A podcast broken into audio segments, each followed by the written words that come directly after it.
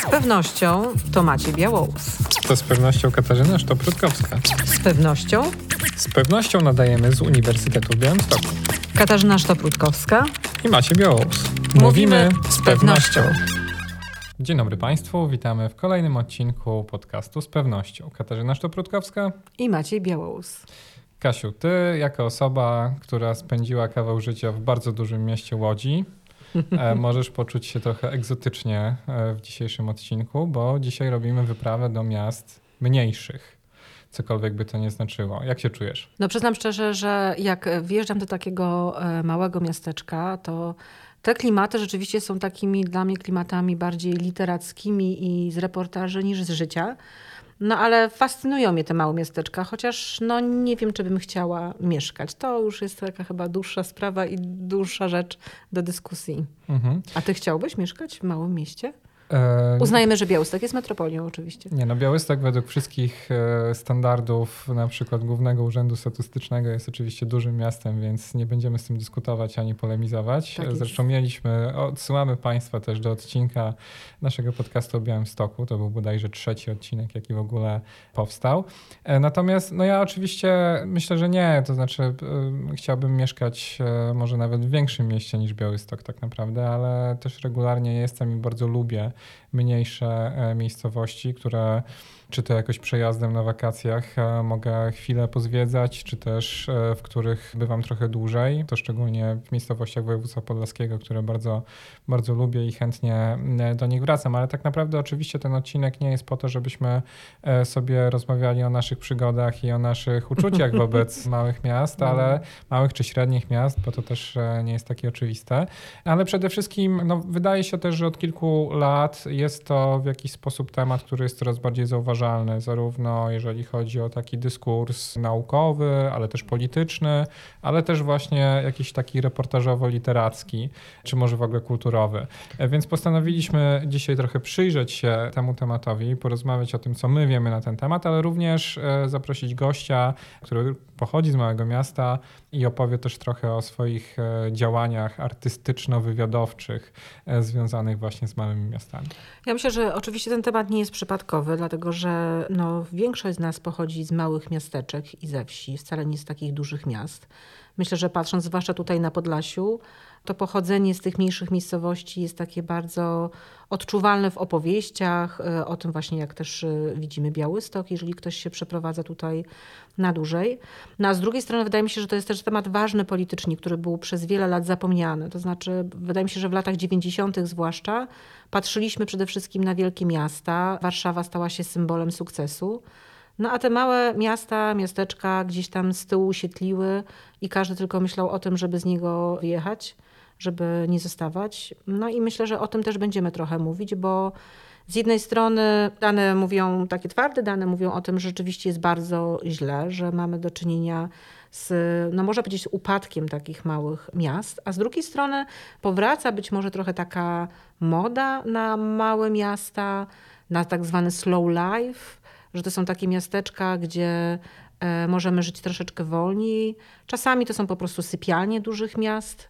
No dużo chyba takich nowych procesów się pojawia w związku z tymi obszarami niemetropolitarnymi. Tak, no i myślę, że o kilku z takich procesów e, zaraz sobie powiemy też na podstawie książek, które sobie przynieśliśmy i które chcielibyśmy Państwu e, również zarekomendować, ale no ja bym też podkreślił, że, e, bo tak wydaje mi się, że, że wokół tych mniejszych miast jest jakiś rodzaj nie, niejednoznacznie, bardzo dwojako e, one funkcjonują w takiej e, współczesnej wyobraźni i rzeczywistości. I to, co mam na myśli? No bo z jednej strony, jak popatrzy się właśnie na takie miejscowości, na takie miasta powiatowe, to wydaje się, że one rzeczywiście są egzemplifikacją tych wszystkich problemów, które się nagromadziły na przykład Mhm. przez cały okres transformacji i tam te problemy są widoczne po prostu o wiele bardziej niż na przykład w mieście takim chociażby jak Białystok, ale tym bardziej e, większych, prawda, powiedziałaś o Warszawie. Z drugiej strony jednak też widać taki trend i wydaje mi się, że to jest e, wy- wybitnie widoczne w przypadku województwa podlaskiego, że trochę takie małe miasteczka się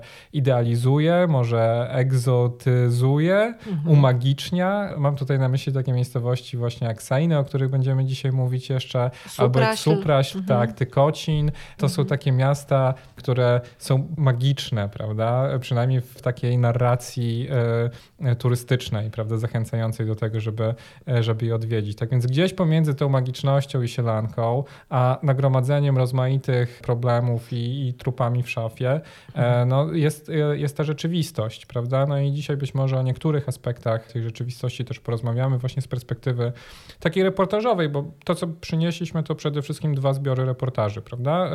Porozmawiajmy może najpierw o książce, którą ty przyniosłeś, bo ona jest mhm. nowa, wydana kilka... nowsza. Nowsza, tak, wydana kilka miesięcy temu, jeżeli pamiętam i zrobiła e, trochę zamieszania, przynajmniej w mediach społecznościowych. Wydaje mi się, że sporo osób zwracało uwagę na tę książkę i są to reportaże z różnych miast i miasteczek w Polsce, mhm. ale także z województwa podlaskiego, w którym jesteśmy. Tak, tak, tak. Ale jeszcze zanim e, dojdę do książki, to chcę jakby zasugerować jedną rzecz, ponieważ jak się przygotowywałam do dzisiejszego podcastu, to szukałam jakiegoś muzycznego tła no nie możemy puścić z racji praw autorskich. Ale możemy zaśpiewać Nie, nie, broń Boże.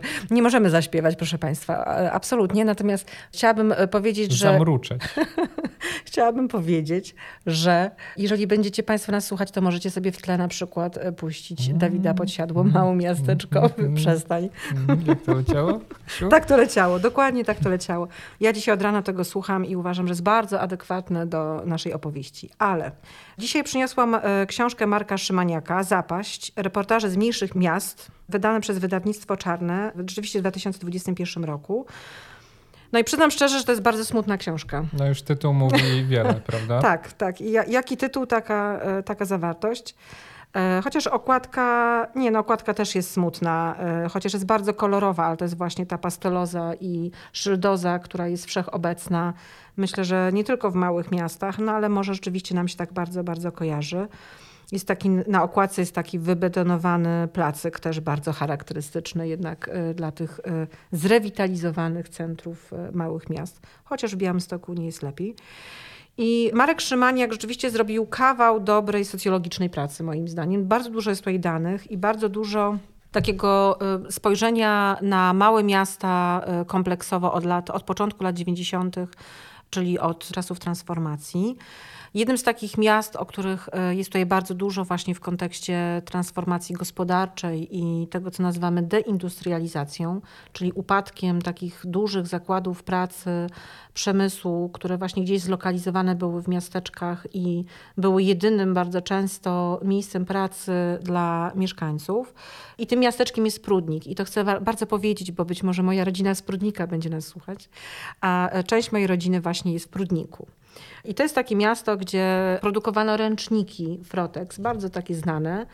I cała ta opowieść o deindustrializacji i o tym, w jaki sposób te małe miasta upadały z punktu widzenia właśnie mieszkańców, którzy nagle tracili z dnia na dzień bardzo często pracę, no jest niezwykle smutną historią i też moim zdaniem historią niezwykle zapomnianą. To znaczy pamiętamy, y, tak mi się przynajmniej wydaje, w pamięci lat 90., początku lat 90. przede wszystkim to, że byliśmy, no, że każdy mógł stać się biznesmenem. Pamiętamy szczęki, stragany, handel obwoźny i ten początek kapitalizmu, taki właśnie tworzony oddolnie w tle i też patrząc na, na liczby, no to są przede wszystkim ogromne spektakularne wręcz zamknięcia, przejęcia najpierw, a później zamykania właśnie dużych przedsiębiorstw, dużych fabryk.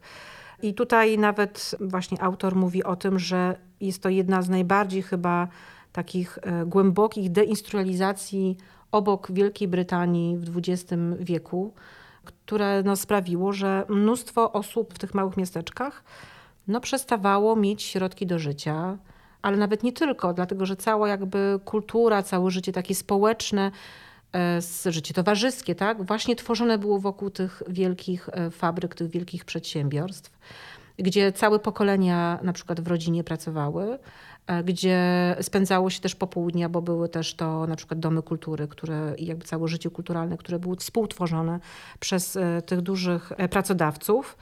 No i ta opowieść o deindustrializacji jest moim zdaniem najciekawszym tutaj w ogóle wątkiem. Może dlatego, że właśnie trochę zapomnianym jednak e, we współczesnej Polsce. Tak, przy czym też e, no, siłą tego, tej, tej książki i tej opowieści chyba jest to, że to nie jest opowieść z perspektywy, to nie jest historia zakładu, tylko to jest tak, historia tak. ludzi, prawda? Tak. I to jest opowieść ludzi, jak oni musieli się dostosowywać na przykład do tej sytuacji, jak się czuli wtedy. Ja pamiętam, chyba to było właśnie też w kontekście Prudnika jakaś taka sytuacja, że w pewnym momencie pracodawca zaczął wypłacać w zasadzie wynagrodzenie w tych ręcznikach tak. i oni musieli po prostu, Dokładnie, żeby przetrwać, sprzedawać. sprzedawać. Nie wiadomo komu. I, tak e, I to jest e, właśnie też, bo nawiązałaś prawda, do tego, do tego takiego radosnego kapitalizmu lat mhm. 90., prawda, że każdy miał swoją szansę, ale tutaj widać ciemną stronę tego. To znaczy, jakby człowiek stawał się e, domokrążcą mimo woli, prawda? Mhm. To znaczy, musiał sprzedawać te rzeczy, żeby w ogóle się utrzymać. I jest to jakoś trudne do wyobrażenia, wydaje mi się, z, z naszej perspektywy, że na taką skalę też to się mhm. działo, prawda? Bo tutaj tak naprawdę to nie jest e, case prawda, jednego zakładu w Polsce, ale raczej jest to przykład. To ja może powiem trochę liczb, bo ja nigdy nie pamiętam, ale mam akurat e, otwartą książkę na tym fragmencie dotyczącym liczb i tego, jak bardzo głęboki był to e, proces. I no, mówi się o tym, że y, likwidacje tych zakładów to jest 25 do 30%. To są takie, które, jak tutaj autor mówi, uzasadnione obiektywnie. Tak? A z pozostałych 70-75% to 1 trzecia to efekt spekulacji gruntami, a 1 czwartą stanowiły wrogie przejęcia. Albo inne jeszcze tutaj takie dane, które też myślę, że to pokazują, że z istniejących w 1988 roku ponad 6 tysięcy zakładów zatrudniających ponad 100 osób, zlikwidowano 1675, w tym 681 zakładów zbudowanych w PRL. A 994 jeszcze, które były zbudowane przed 1949 roku, co y, oznaczało, że 33% majątku zostało zlikwidowanego w Polsce. No to, jest, to są ogromne liczby, no a za tym stoją właśnie te historie tych ludzi, o których ty wspominałeś. I wydaje mi się, że e, to jest w ogóle początek chyba rzeczywiście tej historii. To jest początek tej książki. Myślę, że jest to uzasadnione, bo e, mam takie poczucie, że od tego się jednak zaczyna trochę ten upadek. Czyli od gospodarki i od kwestii e, ekonomicznych. No autor tam pisze dalej o różnych wątkach, między innymi o kwestii mieszkaniowej, kwestii smogu. To też jest bardzo ciekawe, bo tak. E, o smogu zazwyczaj myślimy w kontekście dużych miast, bo tutaj są te środowiska, które walczą o czyste powietrze, a największe zanieczyszczenia są właśnie w małych miasteczkach. E, no i też na wsi oczywiście, ale na wsi z kolei jednak te gospodarstwa są od siebie troszeczkę zazwyczaj dalej, więc nie jest to tak bardzo odczuwalne. Tak, więc tutaj mamy na przykład to wykluczenie mm. energetyczne, mamy kwestię też wyglądu w ogóle przestrzeni publicznej, przestrzeni No to jest bardzo ważny tak, wątek. Mhm. Tak, tak. No, ta betonoza, y, która jest widoczna na na okładce i ta tak zwana rewitalizacja. Są pokazane też historie ludzi, którzy próbują z tym walczyć, którzy mają trochę inne spojrzenie na to, jak powinny wyglądać te miasteczka. No i też no, te historie zazwyczaj są jednak historiami smutnymi i ze złym końcem. To znaczy, że ci ludzie się wypalają E, że nie mają siły walczyć e, z, z burmistrzami, którzy zarządzają tymi miastami i właśnie uważają chociażby, że dobre miasto to takie porządne, zabetonowane miasto bez drzew. O tym też jest bardzo dużo i też jest dużo o złej jakości na przykład samorządów. Też coś, co dla mnie osobiście było bardzo ważnym wątkiem o mediach lokalnych. Jest też bardzo ważne fragmenty są, które pokazują między innymi taka bardzo smutna historia w Sanoku, jeżeli dobrze pamiętam kiedy dziennikarz lokalny, który wierzy w wartość niezależnej prasy od e, właśnie władz lokalnych, gdzie no, chciał pokazywać z różnych stron w sposób jak najbardziej obiektywny, można powiedzieć, rodem z BBC, to, co się dzieje w mieście, no kończy po prostu tym, że e, bankrutuje, bo nikt nie jest w stanie dawać na przykład reklam e, do takiej gazety, która przynajmniej raz spróbowała skrytykować burmistrza. E, no i te układy, układziki, te związki pomiędzy poszczególnymi ludźmi władzy no są, myślę, przy tym temacie niezwykle widoczne. No i to też pokazuje, że bardzo trudno tam zmienić tą rzeczywistość i się przebić no, poza, być poza układem i robić swoje. No klasyka, ale to właśnie też jest ciekawe, bo ta książka nie, nie pokazuje tutaj e, takich zjawisk jako jakoś tam odosobnionych, patologicznych, które da się też jakoś w prosty sposób rozwiązać, ale pokazuje, że to są wszystko naczynia połączone. To znaczy często te na przykład patologiczne układy władzy jakiejś lokalnej też biorą się w praktyce z tego, że zasoby są bardzo skąpe. To znaczy, biorąc pod uwagę jakąś fatalną sytuację gospodarczą, no prawda, trzeba zadbać przede wszystkim o krewnych i znajomych królika, tak? Mm -hmm. A już dla mm -hmm. nikogo innego nie starcza. Podobnie właśnie z kwestiami przestrzeni, z kwestiami kultury, która też jest tam e, opisana oddzielnie, w jaki sposób animować e, kulturę i dbać w ogóle o taką miękką jakość życia, prawda, w takich miejscowościach. E, jak wygląda kwestia też komunikacji, prawda, z No tak, tutaj o wykluczeniu transportowym może było najmniej, ale Ale, ale to też to się przewija w, w, w, opowieściach, tak. prawda, tak. więc to wszystko e, pokazuje, że rzeczywiście można e, w takich mniejszych e, ośrodkach jak pod lupą obserwować te procesy działające po prostu w czasie rzeczywistym. No powiem tutaj też z takich, żeby nie było tak pesymistycznie, bo ostatnie nastroje takie są pesymistyczne, więc musimy stamtąd wyciągnąć chociaż jeden wątek pozytywny. Jest tam kilka historii osób, które wróciły z dużych miast które na przykład pracują w branży IT, więc mogą e, robić to poza jakby głównym centrum w swojej firmie gdzieś tam w Warszawie. Przejeżdżają tam, ponieważ właśnie wracają chociażby do swoich starszych rodziców, ale też bardzo często z takim wyobrażeniem tego miasteczka z czasów dzieciństwa. No, nagle też się okazuje, że to nie jest do końca tak, jak było w ich pamięci. No ale na pewno yy, myślę, że jednym z takich głównych wyzwań tych małych miast jest to, jak przyciągnąć ludzi po studiach którzy wyjeżdżają w sposób naturalny gdzieś do dużego miasta, ale mogliby wrócić i jednak rozwijać to miasto, no bo bez tych, e, brzydko mówiąc, zasobów ludzkich, no nie ma możliwości rozwoju. Nawet jeżeli tych pieniędzy europejskich będzie bardzo dużo, a tam po prostu są potrzebni ludzie z otwartymi głowami. No tak, tylko widzisz, to też jest ciekawe, że powiedziałaś, że jakby, że to jest, e, że miasta muszą e, się nad tym zastanowić, czy muszą coś robić w tym kierunku. Pewnie też, to znaczy na pewno jakaś odpowiedzialność e, spoczywa na samorządach, ale tak naprawdę też e, wydaje się, że bez e, takiej bardzo aktywnej polityki ogólnokrajowej, no nie można, nie można tak mhm. naprawdę zawracać kijem Wisły, prawda? Bo to są procesy, które są zupełnie naturalne. To znaczy każdy młody człowiek, no, czy w ogóle każdy człowiek woli żyć w lepszych warunkach niż w gorszych, mieć dostęp do lepszych usług publicznych niż do gorszych, więc trudno jest oczywiście też oczekiwać, że samorządy znajdą tutaj taką magiczną różdżkę, która to rozwiąże. Ja tutaj nawiązuję właśnie do takiego raportu Polska Średnich Miast profesora e, Przemysława Śleszyńskiego, który ten raport wyszedł w 2018 roku bodaj i to e, był taki raport, który też proponował taką całościową e, politykę deglomeracyjną w Polsce, to znaczy po prostu też wzmocnienie takich średnich, regionalnych ośrodków miejskich. Być może nie tych najmniejszych miast, ale mm -hmm. takich regionalnych Były ośrodków. wojewódzkich chociażby miast. Tak, na przykład, tak, mm -hmm. tak, tak, dokładnie. Przemysław Śleszyński zauważa, no stoimy obecnie e, jakby też e, na progu, czy w zasadzie już jesteśmy w procesie e, depopulacji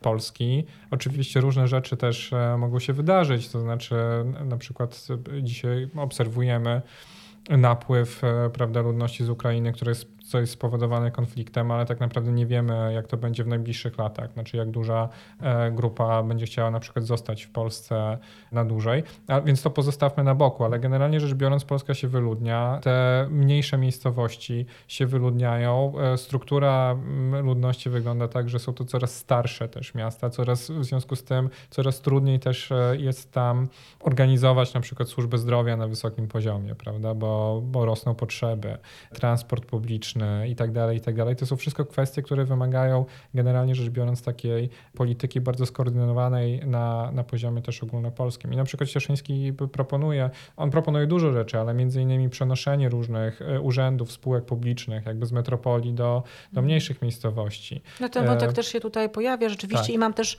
takie poczucie obserwując scenę polityczną, że o tym chyba już mówią wszystkie opcje polityczne, tylko jakoś trudno to wdrożyć. To znaczy na poziomie postulatu wydaje się to być sensowne.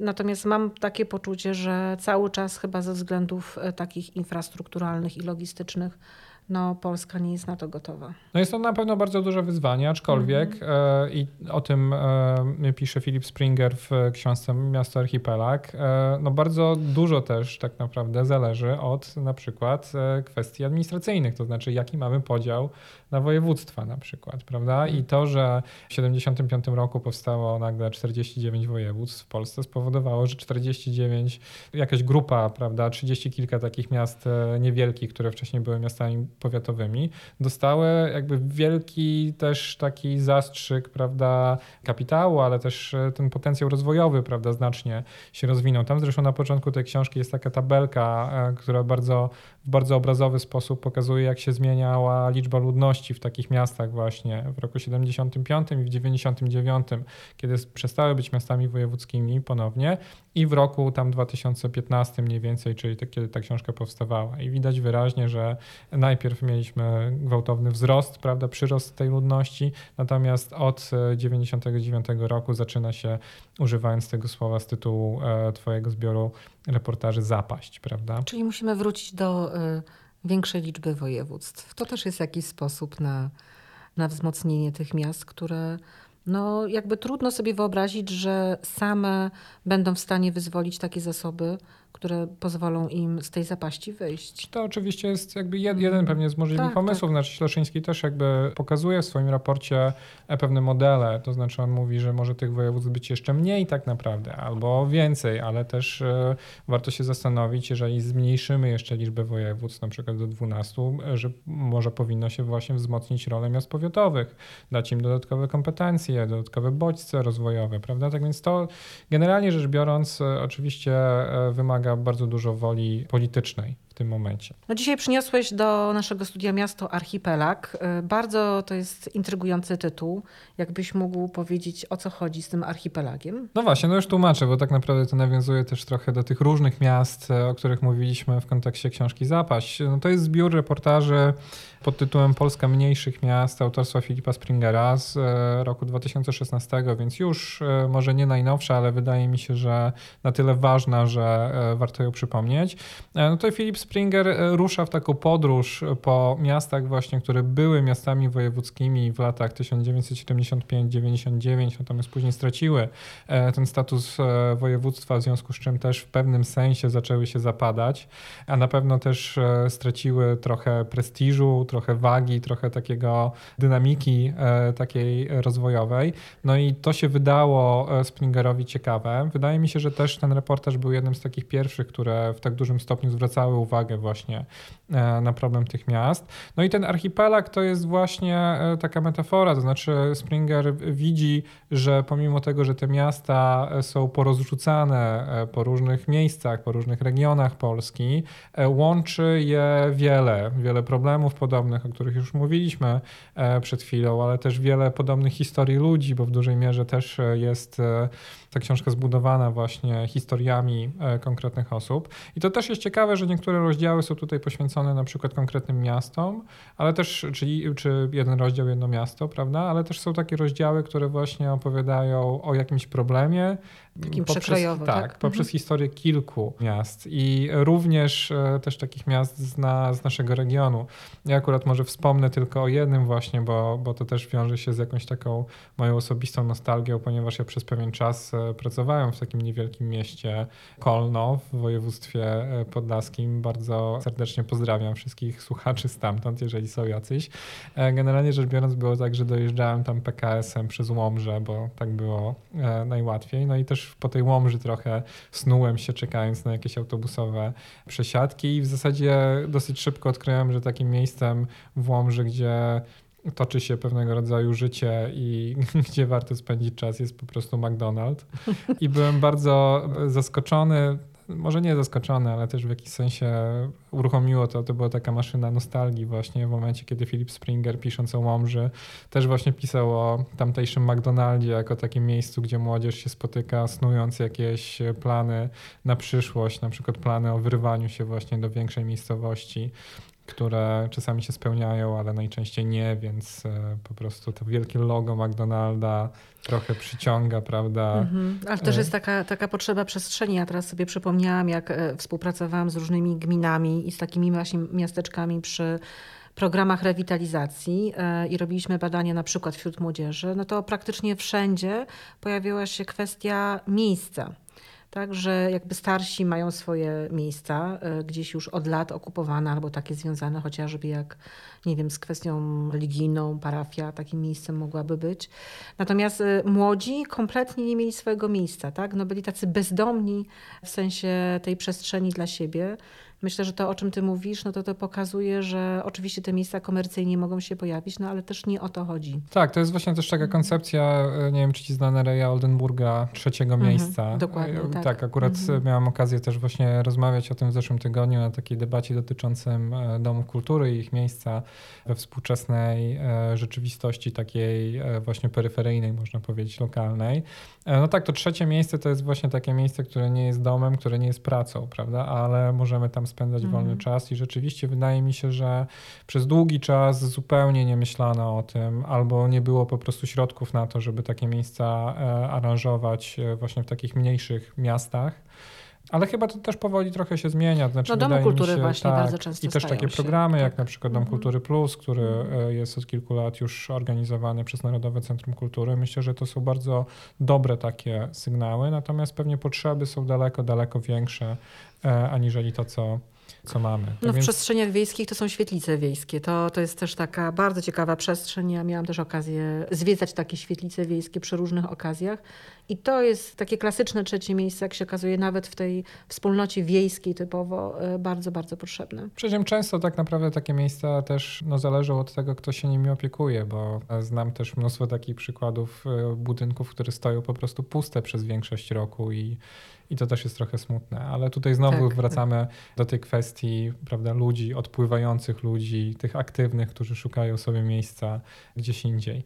O tym między innymi będziemy rozmawiać za chwilkę z naszym gościem. Jedziemy do Sein. To w takim razie e, teraz nadszedł moment, żebyśmy zapowiedzieli naszego gościa, a jest nim e, Marcin Pawlukiewicz, człowiek, który Został dzisiaj e, przez nas zaproszony przede wszystkim dlatego, że pochodzi z Sejn, a nie mieszka w Sejnach, więc być może o tym też porozmawiamy, ale oprócz tego jest e, fotografem, animatorem e, kultury, człowiekiem, który też od długiego czasu, od wielu lat zajmuje się taką fotograficzno-socjologiczną, powiedziałbym, dokumentacją społeczności lokalnej.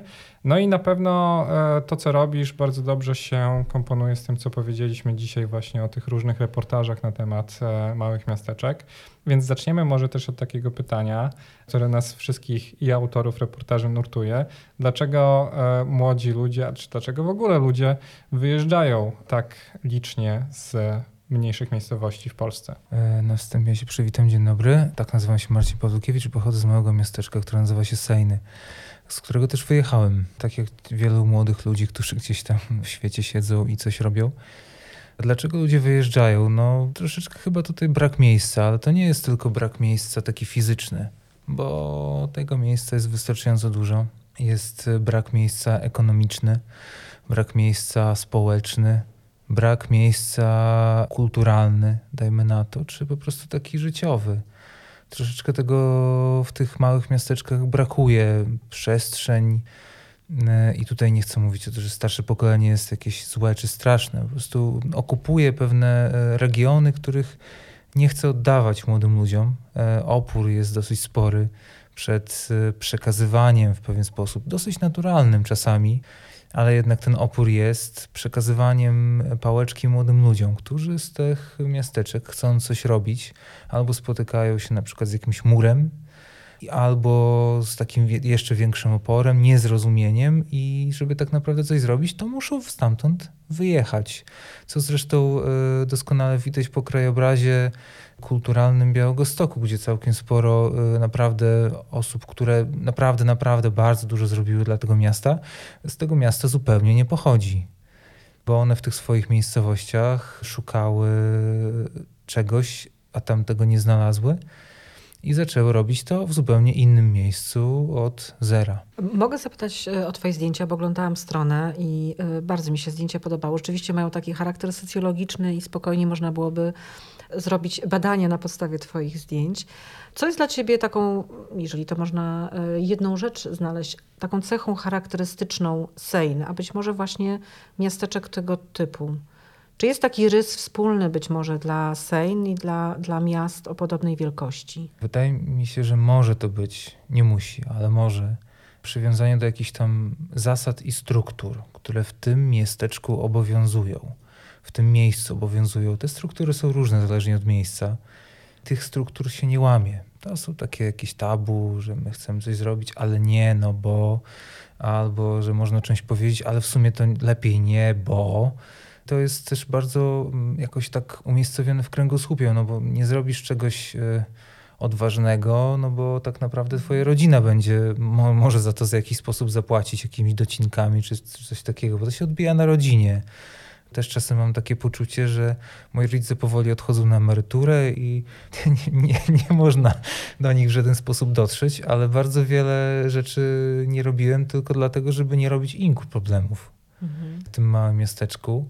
Oczywiście robiłem też inne rzeczy, no ale, ale, ale to jest ten taki rys pewnych rzeczy, których się nie przełamuje, że jest jakiś dany triumvirat, ktoś tutaj y, trzyma władzę, ktoś trzyma pałeczkę, czegoś się nie mówi i tak sobie jedziemy na tym wózku, nie wychodząc. Każdy, kto mm, próbuje to przełamać, bardzo często jest y, przez to społeczeństwo odrzucany, niezrozumiany.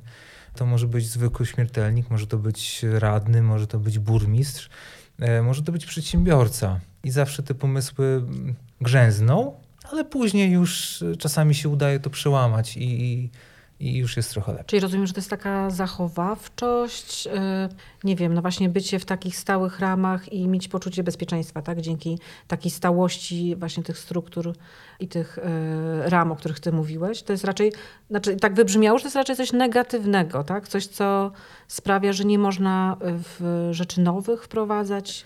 Że nie ma może mm. też odwagi czasem, żeby te nowe rzeczy mm. prowadzić, bo konsekwencje bo, bo, jest, są bo jest jakiś idące, taki tak? hamulec mm. wewnętrzny, który mm. sprawia, że tego nie zrobisz ale to też jakby to nawet, nawet w inwestycjach widać jakby opór ludzi przed zamienieniem czegoś w coś innego, co będzie w sumie fajniejsze, ale, ale nie robimy tego, no bo przecież to zawsze było takie i jakby to, to, tego nie ruszajmy, bo to jest takie opatrzone i takie bezpieczne, jak tutaj zrobimy jakiś tor czy coś takiego, no to już będzie jakiś tam problem, coś tutaj się wydarzy. Jakieś zamieszanie powstaje, no jakiś tumult, zupełnie, zupełnie niepotrzebny, który ludzi no, odrzuca, no bo, no bo nie chcesz tumultu. Jakby to, jest, to jest na tyle mała społeczność, na tyle małe miejsce, że tak jak się miesza w wielkim kotle, to tego tak nie widać, ale jak pomieszasz w takim mniejszym, to się wszystko zaczyna kręcić. Każde, nawet te obrzeża zaczynają się kręcić tego płynu. Więc y, tak mi się wydaje, że to jest taki trochę strach.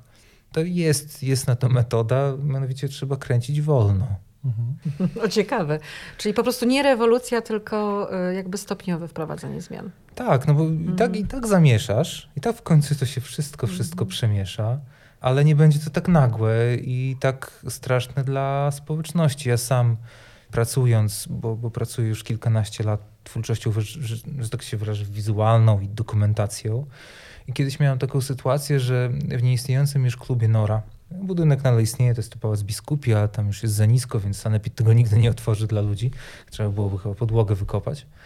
Siedziało dwóch takich panów, już trochę po, po spożyciu, znajomych w sumie. I e, ja kręciłem akurat koncert, który tam, to się działo dużo koncertów, była taka bardzo prężnie działająca grupa e, ludzi, którzy grali, śpiewali i na bębnach i to było bardzo fajne. E, I oni tak na mnie patrzą, patrzą, po co to filmujesz? Ale po co, po co to w ogóle jest? Jakby to nikomu nie będzie potrzebne. Ileś tam lat później, Nory już dawno nie ma. Jest za to litewska karczma. Tych dwóch tych samych panów tak samo podobnym stanie siedzi przy jednym ze stolików i mówi, że fantastycznie, że to robisz. że super, że w ogóle kręciłeś to, bo my ostatnio oglądaliśmy, my do tego wracamy, my to oglądamy. No i wtedy, to było ileś tam lat temu i wtedy coś we mnie pękło, bo ja zawsze się trochę też, to w małych miasteczkach jest to, że też boisz się, co pomyślą inni. To jest bardzo częste.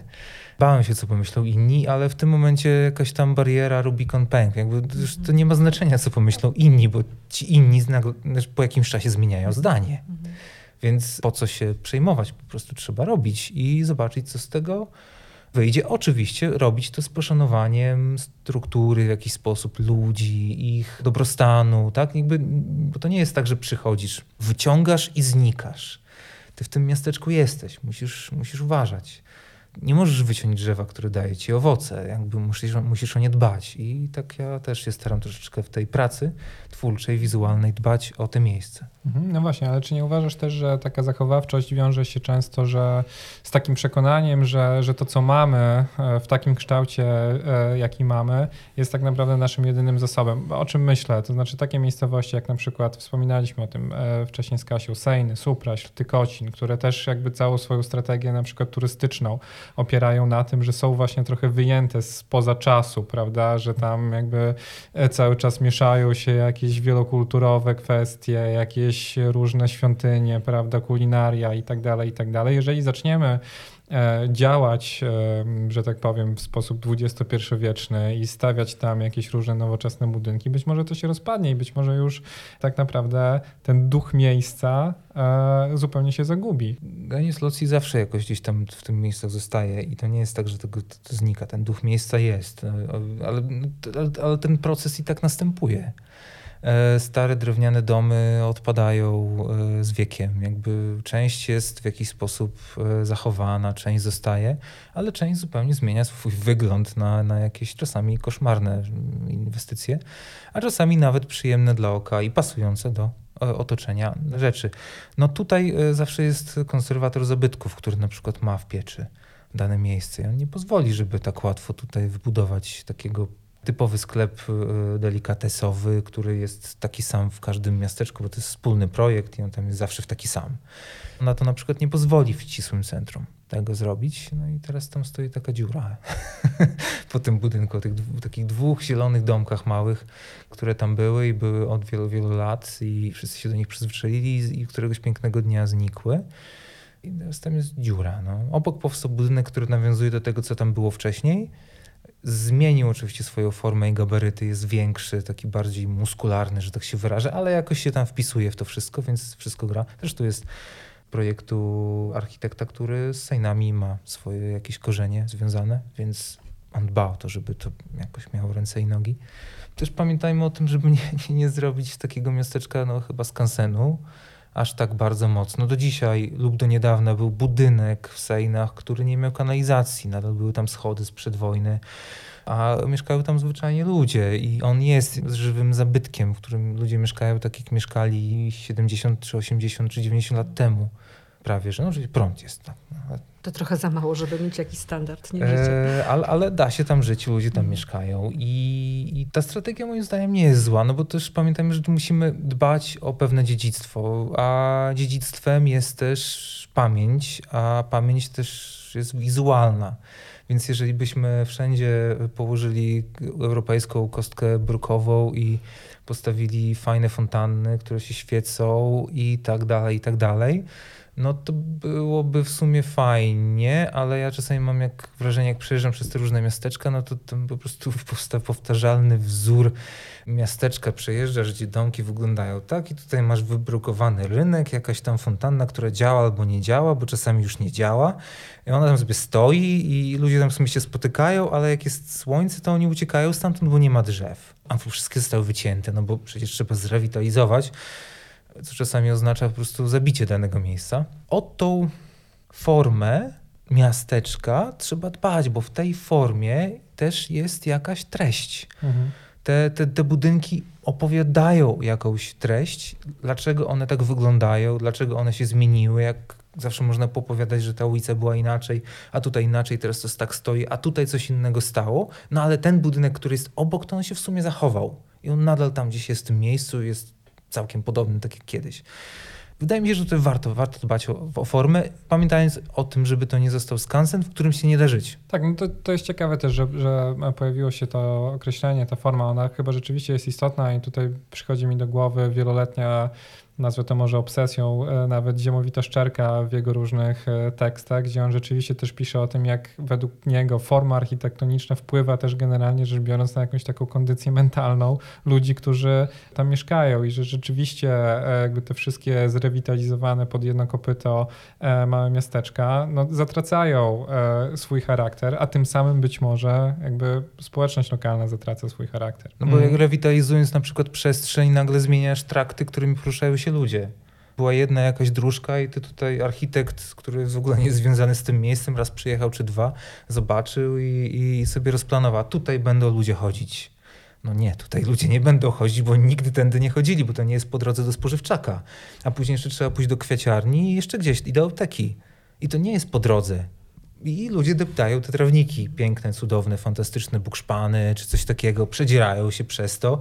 Tkanka miejska jest tkanką, ona w jakiś sposób ewoluuje, zmienia się, zależy co gdzie otworzył, jak to wszystko jest rozplanowane. I trzeba pamiętać, budując tą przestrzeń, może czasami na nowo, może ją troszeczkę modyfikując, ale nie możesz zatracić tego, tego poczucia miejsca. Jeżeli to zrobisz, to ludzie ci to zdeptają. To nie będzie miało zupełnie sensu. Już niejednokrotnie widziałem jakieś po prostu trawniki cudowne, fantastyczne, no przepiękne e, wzornictwo ogrodnicze, które jest po prostu podeptane, ponieważ w tym miejscu ten trawnik nie powinien w ogóle istnieć. Ja bym chciała zadać Ci pytanie, które chyba jest bardzo trudne, e, tak mi się przynajmniej wydaje, bo Ty patrzysz trochę, znaczy to jest w ogóle Twoja perspektywa jest bardzo ciekawa, bo jesteś niby z z tej społeczności, ale oglądając twoje zdjęcia, ja widzę pewną nostalgię i jednak pewne jakby już wyobrażenie, e, że to jest jakieś miejsce takie trochę utracone, trochę takie idealistyczne.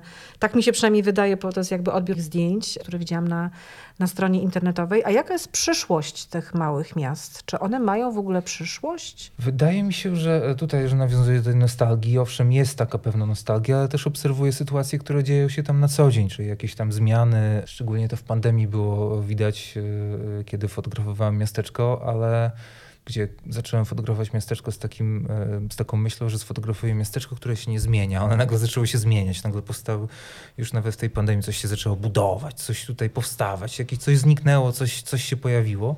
Więc to było o tyle ciekawe. A jeżeli chodzi o miasteczka, czy one mają rację bytu? Oczywiście, że mają rację bytu. Nie każdy chce mieszkać w dużym mieście. Ja sam być może bym wrócił w którymś momencie tam do tego miasteczka, albo nawet zaraz, już teraz mógłbym, a dlaczego nie? Jakby spoko, gdyby robota była lepsza, nie? Tam do znalezienia. To też jest to, to, to, to brak no, miejsca ekonomiczny, mhm, tak? Mhm. o którym mówiliśmy na początku, że, że nie ma ekonomicznie dla ciebie w tym miejscu miejsca. Zupełnie. Te miasta mają sens, bo ludzie nie wszyscy potrzebują miliona teatrów, gdzie i tak nie zdążysz na wszystkiego zobaczyć. Mieszkałem przez jakiś czas w Warszawie i, i no fajnie, no, fajnie, sympatycznie, jakby wszystkiego pełno jest, ale nie jesteś w stanie tego w ogóle ogarnąć, bo w ciągu jednego wieczoru masz trzy potencjalnie fajne wydarzenia. W Białymstoku jest lepiej, bo tego nie masz tyle.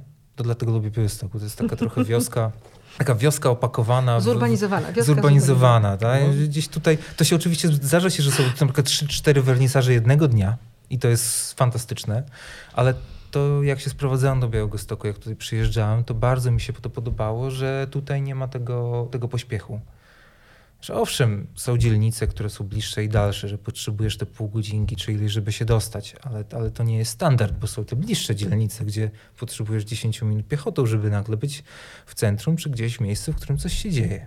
I to jest ekstra. Ale nie wszyscy potrzebują tego ruchu, napięcia. Młodzi bardzo często tak, ale niektórzy mają takie poczucie, że chcą założyć rodzinę w spokojnym miejscu, żeby tam im dziecka samochód nie przejechał, który będzie pędził za szybko, bo i tak wszyscy, nikt się tam nie śpieszy za bardzo. Jest gdzie wyjść, jest jakieś tam trochę zieleni, ceny mieszkań są odrobinę mniejsze, nie mówię, że bardzo małe, ale odrobinę ten jednak mniejsze. Jest blisko do rodziny. To też jest istotne że zawsze można podrzucić do dziadków dziecko jedno czy drugie i to, to, to jest super, to jest naprawdę pożyteczne w takim kontekście życiowym. Więc nie wszyscy tego potrzebują mieszkania w dużym mieście i chcą mieszkać w tym małym, gdzie jest wszystko, gdzie masz barbera, kebab, gdzie masz restaurację, gdzie czasem cię trafia sushi albo nawet naprawdę dobra pizza e, włoska. Padło słowo nostalgia kilka minut temu, więc chciałbym Cię zapytać jeszcze o projekt fotograficzny, który no w zasadzie nie skończyłeś go jeszcze, ale jest najnowszym projektem daleko od domu, daleko do domu, gdzie znajdowałeś i rozmawiałeś i fotografowałeś osoby, które pochodzą z Sejn, ale już tam nie mieszkają, mieszkają w innych miejscach, zajmują się innymi rzeczami, bo interesuje mnie to, oczywiście mówimy tutaj o mieście jako pewnej fizycznej przestrzeni, która jest e, gdzieś w rzeczywistości, ale też jest miasto, które jest e, w głowie ten obraz miasta, ta pamięć miasta na pewno towarzyszy ludziom, którzy opuścili Sejny i robią teraz coś innego.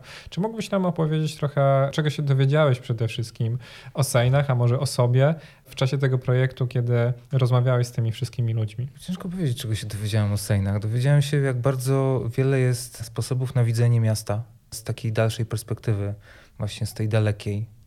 Bo z daleka widok jest bardzo często piękny, taki fajny i miły i sympatyczny. Ten projekt patrzy z zewnątrz i on jest taką rzeczą, która patrzy z zewnątrz, a ja też miałem z wewnątrz coś takiego, co się nazywa Sejny Jego Mać, cykl zdjęć. Ale kogoś, kto mieszka w Sejnach i widzi e, piękno i niedostatek e, tej przestrzeni. Ale patrząc z zewnątrz właśnie oczami bohaterów, widać bardzo różne podejścia. Od takiej typowo nostalgicznej, z której niektórzy się w którymś momencie budzą i stwierdzają, że w sumie to już e, ten, to miasteczko nie jest tym, co było i to potykają się o tą swoją nostalgię i rozczarowują wręcz tym, że, że to naprawdę nie wyglądało tak, jak miało wyglądać. Są ludzie, którzy są krytyczni, świadomie, czyli wiedzą dokładnie, dlaczego w tym miasteczku nie mieszkają. Niektórzy dopuszczają możliwość powrotu w którymś momencie, jak już się odechce wielkiego świata. Więc tych spojrzeń jest po prostu ogrom. Zawsze pojawia się tam nutka nostalgii. Zawsze w tych rozmowach to ta odrobina chociaż tej nostalgii była. I to było też fajne. Znaczy, większość ludzi wydaje mi się, że dosyć była świadoma tego, skąd pochodzą, gdzie są obecnie, czego chcą od życia i dlaczego nie ma ich właśnie tam. I to powodów było mnóstwo. Od takich typowo życiowych, lepsze pieniądze, po zupełne przypadki, czyli wyjście za mąż za kogoś i nagle lądujesz w tym mieście, no bo w sumie jesteście oboje z różnych miejsc, no to jakikolwiek nie wybierzecie, to lepiej wybrać obce niż, niż któregoś, no to tam później jest trochę łatwiej e, się ogarnąć. No i lądujesz w innym mieście i, i to jest też ekstra. Bardzo wielu ludzi po prostu wyjeżdża na studia i, już nie wraca. No, takim przypadkiem jest mój brat, który wyjechał do Poznania, który też jest bohaterem tego projektu. Po ukończeniu logistyki bardzo szybko znalazł pracę i już pracuje jako logistyk i przerzuca towary z lewa na prawo, z prawa na lewo, tirami przez świat, ale już nie wróci. Nie wróci, kupił dom pod Poznaniem. Jakby nie ma, nie ma takiej opcji. Jak już ja wie, wiem, to widzę. A moi rodzice postawili fantastyczny, duży dom, dwa duże pokoje, jakby z no, oczekiwaniem na one, kolejne z oczekiwa- pokolenia. Z oczekiwaniem, tak. Y, I tak, no i nie. No ale to chyba też klasyka gatunku, te wszystkie wielgachne domy, które stoją teraz w tak. pustyni, ogrzewane i zimne, są trochę smutne oczywiście, ale też pokazują, że no, mnóstwo osób i mnóstwo rodzin znalazło się w takiej sytuacji, prawda? Tak, no to nie jest jakieś takie odosobnione, no bo ludzie smakując poziomu życia w innym miejscu, ciężko im wrócić do tego miejsca, które ja to sam słyszę swoich znajomych, którzy nadal mieszkają w, w tej okolicy i mówią, że brak im trochę teatru, no coś tam w Suwałkach jest czasami, no ale to takie e, pośrednie momentami, nie? Dużo jest tam rozrywki, ale jakby takiej konkretnej rzeczy nie ma. Coś tam zorganizuje od czasu do czasu ośrodek pograniczy i to jest super. Coś zorganizuje ośrodek kultury. I to jest. Nie ma tego dużo. Jak ktoś tego potrzebuje, to będzie tęsknił. Z drugiej strony przywita wszystko, co przyjdzie z wielką radością i otwartymi ramionami. Ale nie wszyscy tego potrzebują. Niektórzy potrzebują stałej pracy, stałych godzin, pensji na czas, blisko do żłobka, dom blisko, zdrowe powietrze, bo jest różnica. Drodzy Państwo, jest ogromna różnica. Jak mieszkałem w Warszawie, przyjeżdżałem do Sejn, czułem świeże powietrze, mimo że... O, to to jest ciekawe, bo mówiliśmy, że bywa odwrotnie. Aczkolwiek jak ostatnio mnie przywiozłeś do Seine trzy tygodnie temu, to był smog jak, proszę ciebie, e, jak, jak smog wawelski. Mówimy o świeżym powietrzu latem. Okay. okay. Latem jest zdecydowanie lepiej. Tak, rzeczywiście w małych miasteczkach smog jest problemem i zawsze będzie, bo wielu ludzi po prostu pali e, w piecach i to, to tego się nie pozbędziemy. Na to mój zwrócił uwagę mój brat. I to jest prawda, tak. Niemniej jednak jest to różnica latem na przykład. Czy mogę zadać jeszcze jedno pytanie, już chyba ostatnie, przypuszczam? Tak, myślę, że tak. E, bo no, mówimy o tym, że ci, którzy mogliby tam zostać, e, którzy mają rodziców, wyjeżdżają. No a gdybyśmy tak hipotetycznie sobie wyobrażali, e, że przyjeżdżają tam nowi mieszkańcy, na przykład migranci, myślę, mhm. że to jest taki temat na czasie, no ale też no, nawet ktoś po prostu inny. Jak to jest być nowym w takim małym miasteczku? Chyba to też jest taka specyficzna perspektywa i no, takie specyficzne miejsce w strukturze. Znaczy nie chcę tutaj brzmieć tak e, pesymistycznie, ale jakby e, opcja jest taka, że zawsze będziesz obcym. Zawsze to jest, ja się nawet często na tym łapię, skąd jesteś. No jak jesteś z okolicy, to jesteś z okolicy, jak jesteś z Warszawy, no to już coś tam się w głowie ci tam włącza. To jest coś, coś absolutnie totalnie naturalnego, z tym warto walczyć i jakby to mm, przełamywać. Niemniej jednak tak jest. A jeżeli chodzi o przyjezdnych, no to jest bardzo dużo ludzi, którzy przyjechali z całej Polski albo nawet świata. Na przykład jest Brytyjczyk, który, filmowiec, który mieszka w Burbiszkach i gdzieś tam też coś działa, coś robi, filmuje, zrobił film o pięknych Burbiszkach. E, to jest nad, nad jeziorem Goładuś. Są ludzie e, z różnych, na przykład z Warszawy, dajmy na to, którzy tam mieszkają, kupili jakieś tam e, nieruchomości, działają. No cała Są... ekipa z Fundacji Pogranicze, tak? która też była skądś tak jakby z innego miejsca i też bardzo długo jednak trwało to, że no, byli zaakceptowani. Nie wiem, czy to I, no, się to, zakończyło to, zresztą. Ciężko, ciężko mi powiedzieć. Myślę, że w, jakiś, w jakimś ogromnym stopniu na pewno, ale ci ludzie przynoszą fajną nową energię. Tworzą się, szczególnie jeżeli oni, jeżeli oni są w tym samym wieku i tam znajdują rówieśników e, z tej okolicy, wspólne tematy, spotkanka, grille i tak dalej. Dzieciaki tworzą jakieś tam grupy, pojawia się idea leśnego przedszkola, e, która była totalnie obca dla mieszkańców Sejn. po co? Ale takie coś funkcjonuje i udało się to zrobić po wielu próbach. Więc pojawia się nowa energia i ta energia jest potrzebna. Tak jak ludzie wyjeżdżając z mojego miasteczka przywożą jakąś energię, zresztą to na przykład śpiewa Podsiadło o tym w swoich piosenkach. No widzisz, zaczęliśmy od piosenki Podsiadło. Kasia śpiewała. A, no nie, ty mruczałeś. Ale, ale, to może ty też e, refren. E, nie, wolałbym nie. E, szkoda słuchaczy naszych. Każdy coś przywozi i dowozi. Musi być e, wymiana. Jakby, jeżeli tej wymiany nie będzie, będzie stagnacja. E, jeżeli e, zatrzymamy się na tej ksenofobii, że tutaj obcych nie wpuszczamy i tylko u siebie, to nigdy nie doprowadziło do czegoś dobrego. Zawsze musi być ten obcy element, coś, co przełamuje, coś, co porusza, coś, co pcha do przodu sytuację, dzięki której cała społeczność zyskuje. Ona o tym nie wie nawet przez wiele lat oni o tym nie wiedzą. W ogóle nie zdają sobie absolutnie A bo ich to denerwuje na początku, tak? Absolutnie tak. tak. Denerwuje, wkurza, przecież oni coś zmieniają. Tutaj ustawiliśmy to, co, o czym mówiłem na początku. Przecież po co to było takie ładne, jak było, po co było to ruszać. Ale jak się to ruszy i po latach nagle się okazuje, że tych dwóch, tych samych ziomków mówi, że fajnie, że coś robisz. Zajmuje to chwilę, jest to proces ciężki do zauważenia e, w kontekście dwóch czy trzech lat, ale czasem też tak się zdarzy, że dwa czy trzy lata wystarczą. I nie ma w tym nic złego. Oni się bardzo szybko aklimatyzują, wprowadzają nowe idee, jak już mówiłem, i dzięki temu to miejsce jest miejscem lepszym do życia, tak naprawdę dla wszystkich. No brzmi to jak bardzo dobra puenta, rzadko kończymy w tak pozytywny sposób, więc może warto się w tym e, miejscu zatrzymać. To ja pomilczę. Polecając oczywiście też e, wszystkim, żebyście szukali Marcina Pawłukiewicza, jego zdjęć w internecie. Łatwo to bardzo znaleźć, polecamy. wpisując mm -hmm. imię i nazwisko, prawda? Na WordPressie masz bardzo swoją... Łatwo stronę, gdzie jest mnóstwo fajnych naprawdę materiałów. No ja bym chciała też zobaczyć taki projekt właśnie o tych nowych. To jest myślę też bardzo ciekawe i bardzo ciekawe opowieści mogłyby być. Ja tych może, nowych, co to przyjechali. A ja dodam, e, bo no, już jesteśmy z Marcinem posłowie. Marcin pracuje też nad projektem dotyczącym e, działek takich. E, Poczekaj, jakich działek? Bo ja ogródków działkowych. Ogródków działkowych, okay. tak. Ty masz zawsze te same skojarzenia, przepraszam, ogródków działkowych. Okay. E, I to też zapowiada się super ciekawie, więc e, pilnujcie Państwo przestrzeni internetowych, jakieś pewnie informacje będą. Jak się uda, się to jak, jeżeli wszystko sytuacja nie będzie jakaś dramatyczna, no to, to, to jest już zaplanowana data na sierpień w Centrum Ludwika Zemnachowa wystawa, więc będzie można zobaczyć w Białymstoku. No to zapraszamy już teraz i bardzo dziękujemy za wizytę w naszym podcaście. Dziękuję Była to bardzo. bardzo ciekawa opowieść z Dawidem Podsiadło w tle. Tak, no, zawsze mi towarzyszy, jak jadę tą, tą drogą na Augustów i później dalej na Sejny. To jest niesamowite. Ale jeszcze na koniec opowiem taką anegdotkę. Przez wiele lat miałem, jeździłem e, samochodem, w którym miałem radio i tam można zaprogramować sobie kanały radiowe.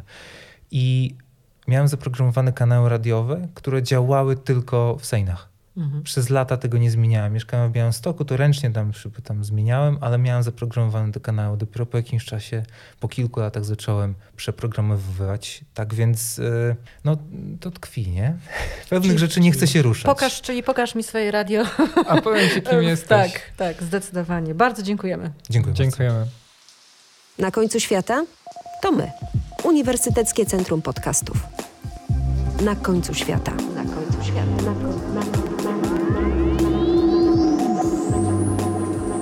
Uniwersyteckie Centrum Podcastów. Na końcu świata. Zapraszamy.